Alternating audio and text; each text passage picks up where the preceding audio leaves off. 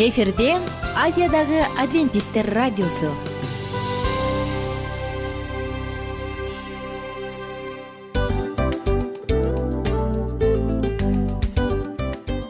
Достор салют. Баардык сүйүктүү угармандарыбызга салам айтабыз. Кутман күнүңүздөр менен. Ден соолук өмүрдүн булагы демекчи саламат саамы программасында баарыңыздарды көргөнүбүзгө абдан кубанычтабыз. Анда алгач амандашып өтөлү арбаңыздар деп. Ден соолугуңуздар кандай элибизде көбүнчө ден соолук кандай дегенде эле жакшы деп жооп беребиз э? ооруп турсак дагы жакшы дейбиз анан мен муну айтып ойлойт элем бул абдан сонун сөз депчи анткени бул жакшы деген үмүт да э ооба баары жакшы болот. Баары сонун. Деп үмүттөнүп атып эле өзүбүздү өзүбүз дарылап коебуз.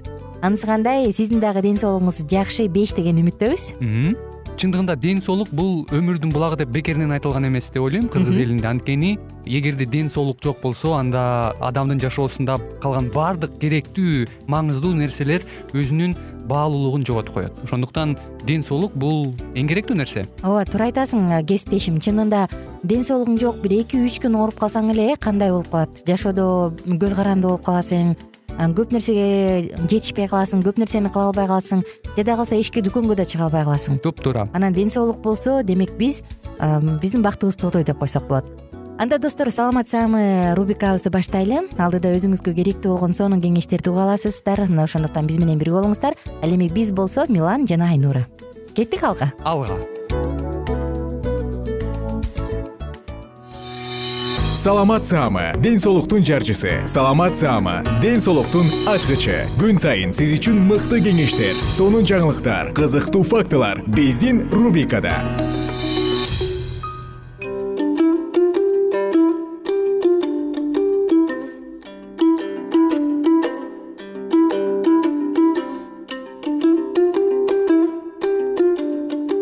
кымбаттуу радио угармандарыбыз кайрадан сиздердин назарыңыздарда ден соолуктун ачкычтары программасы. Бүгүнкү программабыздын чыгарылышында биз сиздер менен жүрөк кан тамыр оорулардын алдын алуу жана ошондой эле жөнөкөй жол аркылуу жүрөк үчүн зарыл болгон азыктар туурасында сүйлөшмөкчүбүз. Андыктан бүгүнкү берүүдө биздин толкундан алыстабай биз менен биргеликте кала бериңиздер. Жүрөк кан тамыр оорулары дүйнө жүзү боюнча өмүрдүн негизги себепкеринин бири ошондуктан жүрөктүн иштешин эң жөнөкөй ыкмалар менен көзөмөлдөп оорунун алдын алууга болот. Жүрөктүн туура иштеши үчүн организмде жетишээрлик өлчөмдө микроэлементтер жана витаминдер болуш керек. Ал үчүн сөзсүз түрдө дары дармектерди колдонбостон жөн гана күнүмдүк тамак ашка пайдалуу азыктарды кошуу жетиштүү. Эмесе жүрөккө керектүү азык заттар. Мисалга помидор помидор бул а жана с витаминдерин калий жана углевод заттарынын булагы. Ошондой эле помидордо кандагы зыяндуу холестериндин деңгээлин азайта турган ликопин антиоксиданты бар. Экинчиден сардиналар. Дарыгерлер балыкты көбүрөөк жеш керектигин эскертишет. Ал омега үч майлуу кислоталары бар сардинанын эти аз калориялуу болгону менен д витаминин жана кальцийге бай келет. Жана бүтүн дандар бүтүн дандардан даярдалган азыктар жүрөк кан тамыр ооруларынын алдын алуунун эң туура жолу. Ошондой эле салмагын азайтуу максатында диетада отурган үчүн дагы эң керек азык. Ошо менен биргеликте эле э, дан азыктарын дагы көбүрөөк колдонсоңуз жүрөк кан тамыр ооруларын алдын алууга дагы э, өзүнүн чоң бир э, натыйжалуу жардамын көрсөтөт экен. Буларга кайсылар кирет деп турушкан болсоңуз сөзсүз түрдө дан азыктарына бурчак жана ошондой эле калориясында майлуулугу аз камтылган азык заттарды көбүрөөк колдонушуңуз керек экен. Бурчактан сырткары дагы мүмкүн жүгөрү ошол эле учурда атайын ак шактан жасалган дагы дан азыктарын көбүрөөк колдонуу сунуш кылынат. Пайдалуу майлардан болсо мисалга зайтун майы жер жаңгак жана кунжут майларын курамында каныкталбаган май камтылат. Ал кандагы холестериндин жөнгө салат бурчак дагы кандагы холестериндин деңгээлин азайтып тамырларын бүтөлүп калышын азайтат. Жаңгактар. Жаңгак витаминдердин минералдардын углеводдордун заттардын жана пайдалуу майлардын булагы болуп саналат.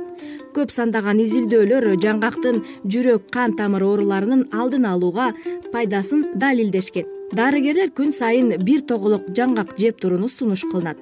Бирок биз бир тоголок жаңгак эмес бир жегенде дароо эле беш алтыны андан да көп жеп салат эмеспизби ооба чындап эле баягы көбүнчө үй шартында грек жаңгагын колдонууда дагы мисалы ошол эле кандайдыр бир чөйчөктүн ичинде турган э, жаңгакдан азыктарын э, бир отурганда сен өзүң айткандай эле кесиптеш болушунча канча болсо ошончо жеп баягы тойгуча жеп алат эмеспи. Бул дагы тескерисинче сиздин саламаттыгыңызга пайдасын алып келүүнүн ордуна тескерисинче олуттуу зыяндарга дуушар кылып калышы да ыктымал. Мисалы ошол эле учурда өтө тоюп жеп алган болсоңуз демек анын сиңимдүүлүгү дагы өзгөчө э, көбүрөөк убакытты талап кылгандыктан сиздин ашказаныңызга ар кандай ооруларды же илдеттерди алып келип калышы ыктымал. Жана дагы көбүрөөк суу ичиш керек. Эртең менен турганда эле э, бир эки чыны жуулураак суу ичип алсаңыз дагы ашказаныңыз жуулуп ичеги карыныңыз тазаланып калат ооба ошондон сырткары дагы э, жогоруда ушул биз сиздерге э, маалымдап жаткандай эле кымбаттуу угармандарыбыз адистер дагы мындай кеңеш беришет экен. Көп учурда ушу дан азыктарын колдонууда мүмкүн жанагы данек азыктарын жеп жатканда ошол эле кунжут же болбосо э, жер жаңгак андан сырткары грек жаңгактарын колдонууда күнүнө ашып кетсе бир он он эки даанадан гана аны ушундай өлчөмдө гана жеп туруу сунушталат экен демек биз мисалы жогоруда сен айткандай эле бир отурганда бир чөйчөккө толтурулган э, дан азыктарын э, баардыгын жеп алабыз. Анын натыйжасында организмге тескери олуттуу жактарын дагы алып келип калышы мүмкүн жогоруда биз айткандай эле ашказан оорусу же болбосо тамакты сиңирүү э, системасы жакшыруунун ордуна тескерисинче э, ошол эле учурда мүмкүн майлуулугу көп болгондуктан э, биздин ар кандай өнөкөт ооруларына алып келип калышы толугу менен ыктымал экен. Бул нерсени дагы эске алуу абдан зарыл экен. Анан дагы бир нерсе мисалы алманын дагы данегин адистер сунуштаган экен күнүнө бирден бир алманын данегин жеп турууну сунуш экен. Муну дагы э, сөзсүз түрдө э, көңүл чордондо калтырбай э, жашооңузда колдонсоңуз жакшы жардамын тийгизет экен мөмө жер жемиштер коон бадыраң өрүк курма көбүрөөк жеңиз. Бул жемиштер силердин ден соолугуңарга пайдалуу витамин менен минералдарга бай азыктар болуп саналат. Кезек тартылган ундан нан жесеңиз дагы бул абдан пайдасы зор. Негизинен азыр жүрөк кан тамыр оорулары абдан күчөп турган мезгил эмеспи ооба чындап эле жүрөк кан тамыр оорулары менен жапа чеккен инсандарыбыз абдан эле көп. Андыктан бул жакта дагы ушул жүрөк кан тамыр ооруларынын алдын алууда кандай азыктарды колдонуш керек жана кандай жашылчаларды жемиштерди жеш керек ушул туурасында дагы маегибизди улантабыз. Биринчиден э, эмне үчүн э, жүрөк кан тамыр оорулар пайда болот дегиле ошол жаатта сүйлөшөлү. Мисалга биздин жеген тамагыбыз көп учурда клетчатка же жер жемиш мөмөдөн болуш керек. Биздин э, жашаган шарттарыбызга жараша э, биздин көнүп калган адаттарыбызга жараша биз андай тамактанбайт экенбиз тилекке каршы. Ооба тилекке каршы көбүнчө баягы э, ар бир жердин өзүнүн шарттары климаты айырмаланып турат эмеспи. Мисалы япония корея жактарда мисалы ал жакта деңиз азыктар менен көп азыктанышат экен. Ошондуктан алар э, келбеттери дагы жаш жана э, чырайлуу көрүнүшөт экен.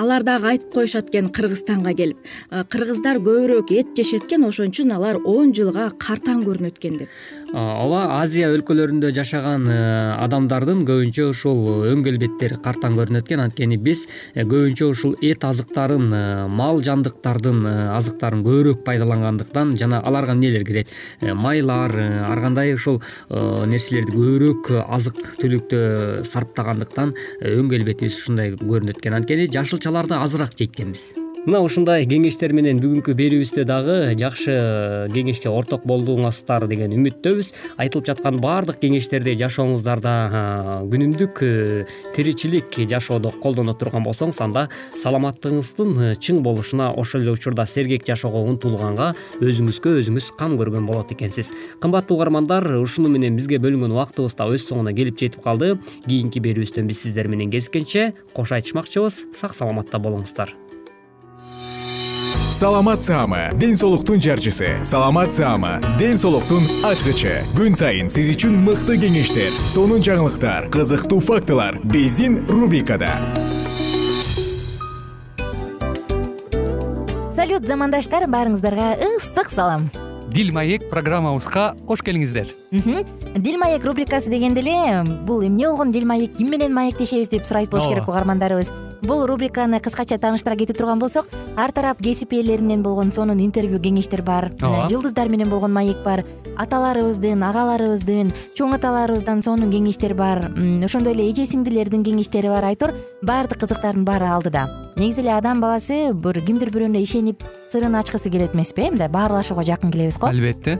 Негизи бир жерге отуруп алып кенен шашпай баягы жүрөктөн жүрөккө ачып сырларыбызды ар кандай көйгөйлөрүбүз менен бөлүшүп баягы чын жүрөктөн маек курганды кимибиз сүйбөйбүз э? Ооба десең ал нерсеге суусап да келебиз да? Ооба кээ бирде адамга чындыгында баягы э, ысык маек баягы жылуу маек жетишпейт да. Ошондуктан биз ушул рубриканы ойлоп тапканыбызда эң биринчи эле достор сиздер менен чын жүрөктөн бир маңыздуу темаларды козгоп кеткени э, кааладык. Ошондуктан ушундай сонун бир рубриканы тартуулап жатабыз. Анын үстүнө радио дагы сонун дос да. Анткени э, мындай учурда досуңа айтсаң досуң досуна айтат досу досуна айтат да анан бүт өлкө билип калышы мүмкүн го.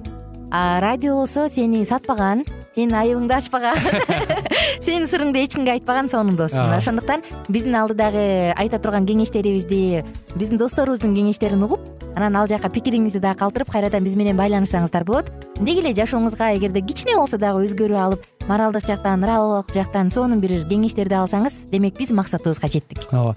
Чыңгыз атабыз улуу жазуучу э, чыңгыз айтматов айткандай адам болуу бул күнүмдүк процесс экен. Күн сайын адам бойдон калуу бул адамзатка эң эле кыйын дейт э? э эң кыйын дейт. Чындыгында бунун э, негизинде адамдын эң баягы сапаттуулугу адамдын адамгерчилиги жана көптөгөн керектүү нерселер мына ошол темалар дагы бизде ушул дил маекте биз аларды да козгойбуз. Ден соолук жөнүндө да сүйлөшөбүз. Сөзсүз түрдө. Анан милан мырза негизи айтып коюшат го? Биз көбүнчө эмнени ойлонсок ошол нерсеге карата иш кылабыз го? Ооба. Анан анысы кандай балким бул радио баракчада кимдир бирөөнүн оюн текшергенге жардам берет кимдир бирөөнүн жүрөгүн текшергенге жардам берет. Балким кимдир бирөөгө жашоонун маңызын тапканга жардам берер.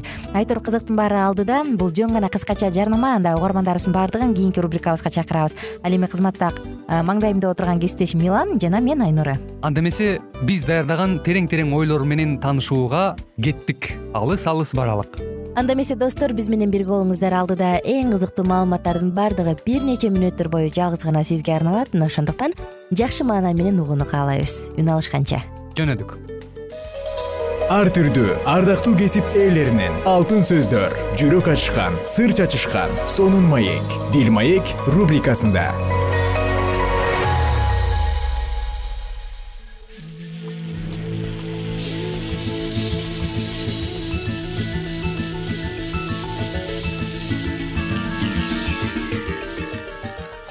саламатсыздарбы кымбаттуу радио угармандарыбыз. Кайрадан сиздердин назарыңыздарда кыргызстанга саякат аттуу бүгүнкү берүүбүздө кездешип жатканыбызга өтө кубанычтабыз бүгүнкү программабыздын чыгарылышында биз өзгөчө бир уникалдуу деп да койсок болот.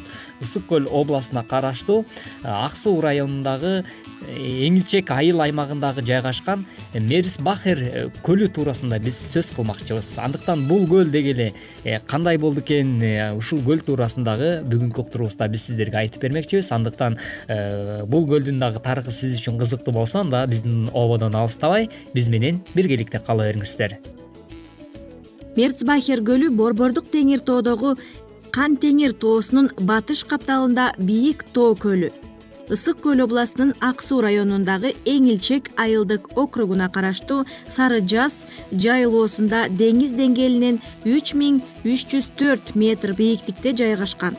Эңилчек өрөөнүнүн батышында түндүк эңилчек мөңгүүсүнүн этек бөлүгүндө жайгашкан. Узундугу эки үч километр туурасы бир километрден ашык. Аянты төрт километр квадрат тереңдиги алтымыш жетимиш метр.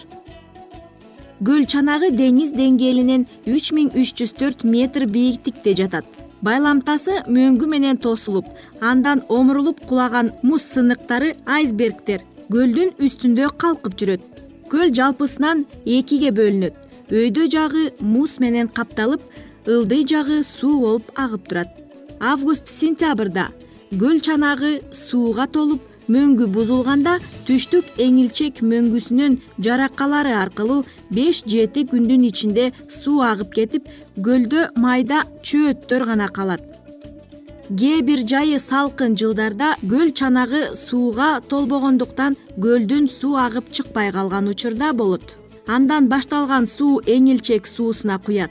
Жээктери муз менен чектелгендиктен анын узундугу жана аянты өзгөрүп турат. Көлгө бир миң тогуз жүз үчүнчү жылы немис саякатчысы мерцбахер келген. Мерцбахер соолуп бараткан көлдөрдүн катарын толуктап келет. Бирок дүйнө жүзүндө бул көлдөн башка да көлдөр соолуп жок болуунун алдында турат. Алар исландия швейцария жана гренландия аралы изилдөөчүлөрдүн натыйжасында мерцбахер көлүнүн соолуп жок болуу мезгили такталган. Кыргызстандагы кереметтүү көлдөрдүн бир айланасы мөңгүлөр менен тосулган.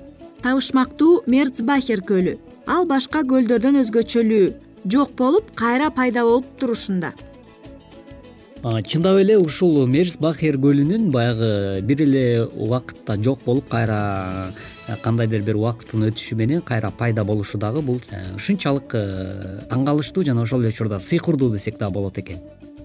Ооба көлдүн орточо тереңдиги отуз беш метр ал эми эң терең жери жетимиш беш метрге чейин жетет. Бир миң тогуз жүз үчүнчү жылы немис географы голдфида мерцбахердин атынан коюлган. Ал биринчилерден болуп суунун жок болуп кайра жаралганына күбө болгон адам бул көл жыл сайын жайында бир же эки жолу жарылып суулар агып жок болуп кайра топтолуп турат. Ошол үчүн жергиликтүү жашоочулар жоголуп кайра пайда болгон көл деп атап коюшкан. Мерцбахер көлү өзүнүн уникалдуулугу менен туристтерди өзүнө тартып турат. Элдер көлдүн суусу толуп муздары жарылып атылып чыгышы кызыктырат. Көлдүн жогорку жана ылдыйкы жагында эки бассейни бар жогорку жагын дайыма муз каптап турса ылдыйкы тарабы жайында эрип суу эңилчек дарыясына кошулуп көлгө жети суткага чейин суу жок болуп калган учурлар болот. Ошондой эле кыргызстандагы көлдөрдүн ичинен жалгыз мерцбахердин үстүндө айсбергдер суунун үстүндө жайы кышы калкып жүрөт.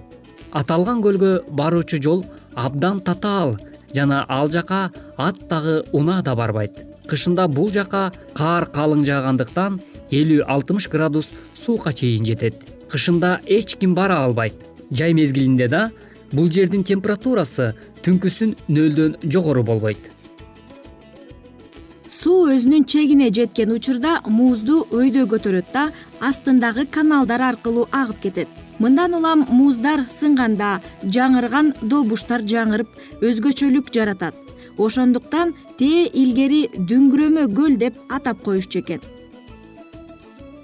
Урматтуу угармандарыбыз уккандан уга элегиң көп э, демекчи. Мына ушинтип биз бүгүнкү э, уктуруубузда дагы кыргызстаныбыздын өзгөчө бир ажайып э, кереметтүү ошол эле учурда касиеттүү жана ар бир эле адамды таң калтыра турган бул мерс бахер көлү туурасында биз сөз кылдык мерс бахер бул немец окумуштуусу башкача айтканда бул тоолорду изилдеген географ катары алгачкылардан болуп изилдеп чыккандыктан э, ушул инсандын атынан ыйгарылып калган экен. Ал эми жергиликтүү э, тургундарыбыз болсо бул көлдү э, жоголуп кайра пайда болгон көл деп дагы атап коюшат экен.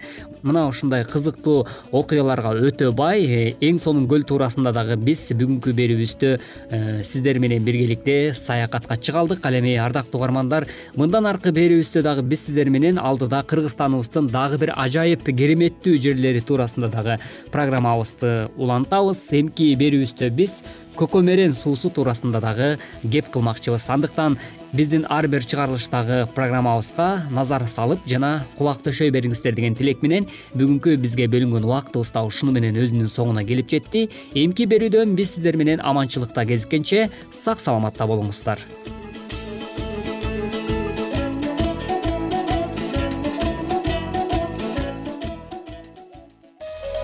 ар түрдүү ардактуу кесип ээлеринен алтын сөздөр жүрөк ачышкан сыр чачышкан сонун маек дил маек рубрикасында.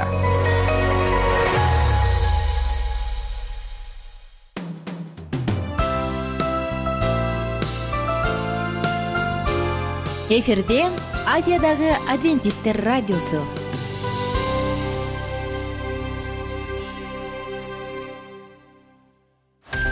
жан дүйнөңдү байыткан жүрөгүңдү азыктанткан жашооңо маңыз тартуулаган жан азык рубрикасы.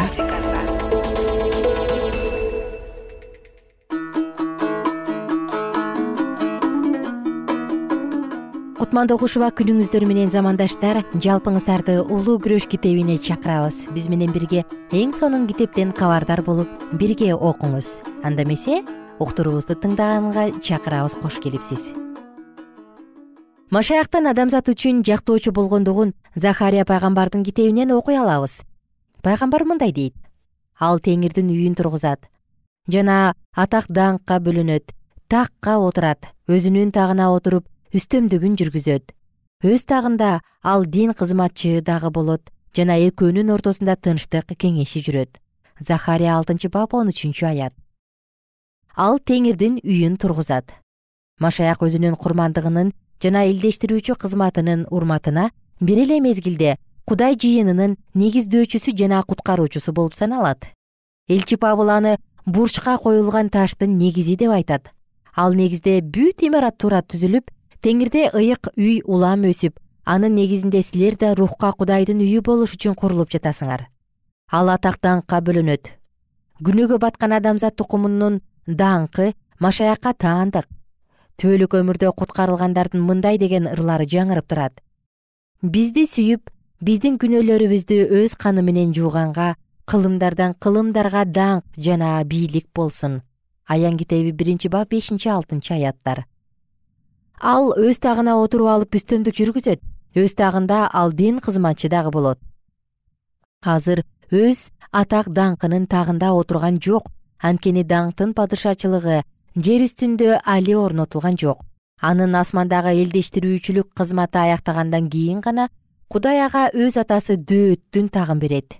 Жана анын падышалыгынын аягы болбойт азыр биздин ооруларыбызды өзүнө жүктөп алган биз сыяктуу күнөөдөн башка нерселердин бардыгында сыналган машаяк дин кызматчы катарында сыналгандарга жардам бериш үчүн кызмат кылып ата менен бирдикте анын тактысынын жанында отурат эгерде ким күнөө кетире турган болсо анда биздин атанын алдында жактоочубуз бар. Ал өзүнүн жаракат алган жана тешилген денесин өзүнүн бузулбаган өмүрүн бизге ыйгарат анын тешилген колдору сайылган кабыргалары мыктын тактары калган буттары күнөөгө батып бузулуп кеткен адамдарга көргөзгөн ырайым жөнүндө айтып турат. Жана биз кандай гана баа жеткис улуу кунга сатылып алынганбыз жана экөөнүн ортосунда тынчтык кеңеши жүрөт. Атанын сүйүүсү уулдун сүйүүсүнөн кем эмес. Бул адашкан адамдарды куткарыш үчүн чыныгы булак болуп эсептелет. Ыйса өзүнүн асманга көтөрүлүп кеткенинин алдында мындай деп айткан. Мен силер жөнүндө атамдан сурайм деп айтпайм. Анткени атам өзү силерди жакшы көрөт. Кудай машаякта өзү менен дүйнөнү элдештирди жана асмандагы ортодо кызмат кылууда экөөнүн ортосунда тынчтык кеңеши жүрөт. Анткени кудай дүйнөнү ушунчалык сүйгөндүктөн өзүнүн ынтымакташ уулун берди. Ага ишенген ар ким өлбөсүн бирок түбөлүк өмүргө ээ болсун деп берди. Жакан үчүнчү бап он алтынчы аят. Касиеттүү ордо деген эмне деген суроого ыйык жазуу так жана тыянактуу жооп кайтарат мукадастагы касиеттүү ордо деген сөз биринчиден асмандагы үлгү боюнча муса аркылуу курулган жердеги ордо чатырга жана экинчиден жердеги ордо сүрөттөгөн асмандагы чыныгы касиеттүү ордону билдирет. Машаяктын өлүмү менен сүрөттөп кылынган кызматтар аягына чыккан. Асмандагы чыныгы касиеттүү ордо жаңы осуяттагы касиеттүү жай болуп эсептелет. Даниил пайгамбардын китебиндеги сегизинчи бап он төртүнчү аятындагы пайгамбарлык жаңы осуяттын мезгилинде толугу менен аткарылгандыктан бул жердеги ордо жөнүндө болуп жаткан сөздөр жаңы осуятка гана таандык болушу керек. Эки миң үч жүз күн аяктагандан кийин бир миң сегиз жүз кырк төртүнчү жылы жер үстүндө касиеттүү ордонун жок болгондугуна көп мезгилдер болуп калган. Ошондуктан эки миң үч жүз таң жана кеч өтөт жана касиеттүү жай тазаланат деген сөздөр эч күмөнсүз асмандагы касиеттүү жайды көргөзүп турат. Эми эң эле маанилүү суроого жооп берүү гана калды. Касиеттүү жайдын тазаланышы деген эмне? Байыркы осуятта жердеги касиеттүү жай тазаланууга муктаж экендиги айтылат. Бирок эмне асманда касиеттүү жай тазаланууга муктажбы? Еврейлерге жазылган катта жердеги сыяктуу асмандагы касиеттүү жай дагы тазаланууга муктаж экендиги айтылган. Деги баардык дээрлик нерселер мыйзам боюнча кан менен тазаланат жана кан төгүлбөй кечирим болбойт. Демек асмандагынын кебетелери ушул курмандыктар менен ал эми асмандагы нерселердин өздөрү болсо бул курмандыктардан жакшыраак нерселер менен тазаланышы керек. Башкача айтканда машаяктын баа жеткис курмандыгы менен тазалануу сүрөттөгөн кызматтардагыдай эле чыныгы кызматтарда дагы кан менен тазалануусу зарыл биринчисинде малдардын каны ал эми экинчисинде машаяктын каны. Элчи пабыл тазалануу кан менен болгондугунун себеби кан төгүлмөйүнчө күнөө кечирилбейт деп айтат. Күнөө кечирилиши кое берилиши жана тазаланышы керек. Жердеби же асманда болобу күнөөнүн касиеттүү жайга тиешеси эмне биз буга жоопту дин кызматчылардын сүрөттөгөн кызматтарынан алабыз.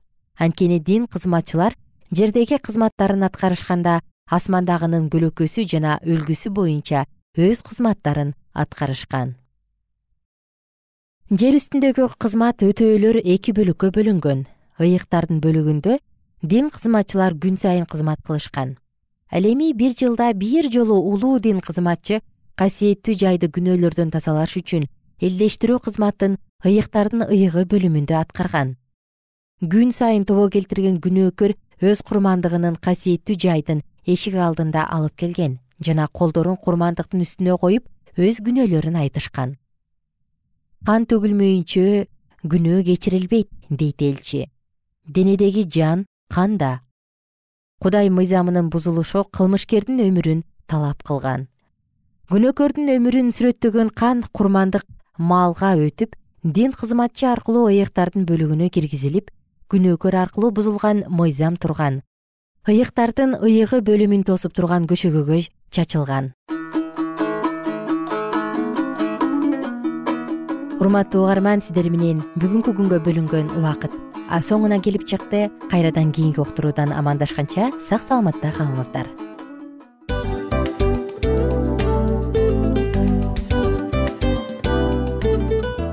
ушул менен достор программабыздын уктуруубуздун эң кайгылуу мөөнөтүнө келип жеттик.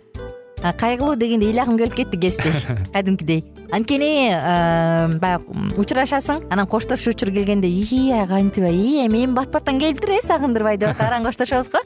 Анысы кандай? Угармандарыбыз менен коштошчу учур келди. Кийинки уктурууларды сагыныч менен жүрөгүбүздө кусалык менен күтөбүз жалпыңыздарды анан жарым сааттык уктуруу көз ачышым канча өтүп кетти сөзсүз. Бирок бизде жакшы кабар бар. Кийинки уктурууларыбызда сөзсүз дагы кезигишебиз. Анткени биз көптөгөн сюрприздерди кызыктуу маалыматтарды жана керектүү керектүү нерселердин көпүнчөсүн даярдадык. Анда угармандарыбыздын баардыгына ийгиликтүү күн каалайбыз. Эгерде бүгүнкү күнүңүз өзгөчө э, өтүшүн кааласаңыз анда позитивдүү ой жүгүртүп жылмайып жакындарыңызга жакшы маанай тартуулап жүрө бериңиз анткени сөзсүз түрдө мунун арты кайтат э? Сөзсүз. Баягы ден соолугуң оңолот ал бул деп көп нерсени санап келебиз. Эң негизгиси бул сиздин жашооңузду жаркын кыла түшөт экен жараткан кудай ар бирөөңүздөргө батасын берсин жашооңуз ийгиликтүү болсун сак саламатта калыңыздар деп мен милан жана кесиптешим айнура. Баардыгыңыздар менен кийинки уктурууда үн алышканча. Баарыңыздарга ийгилик каалайбыз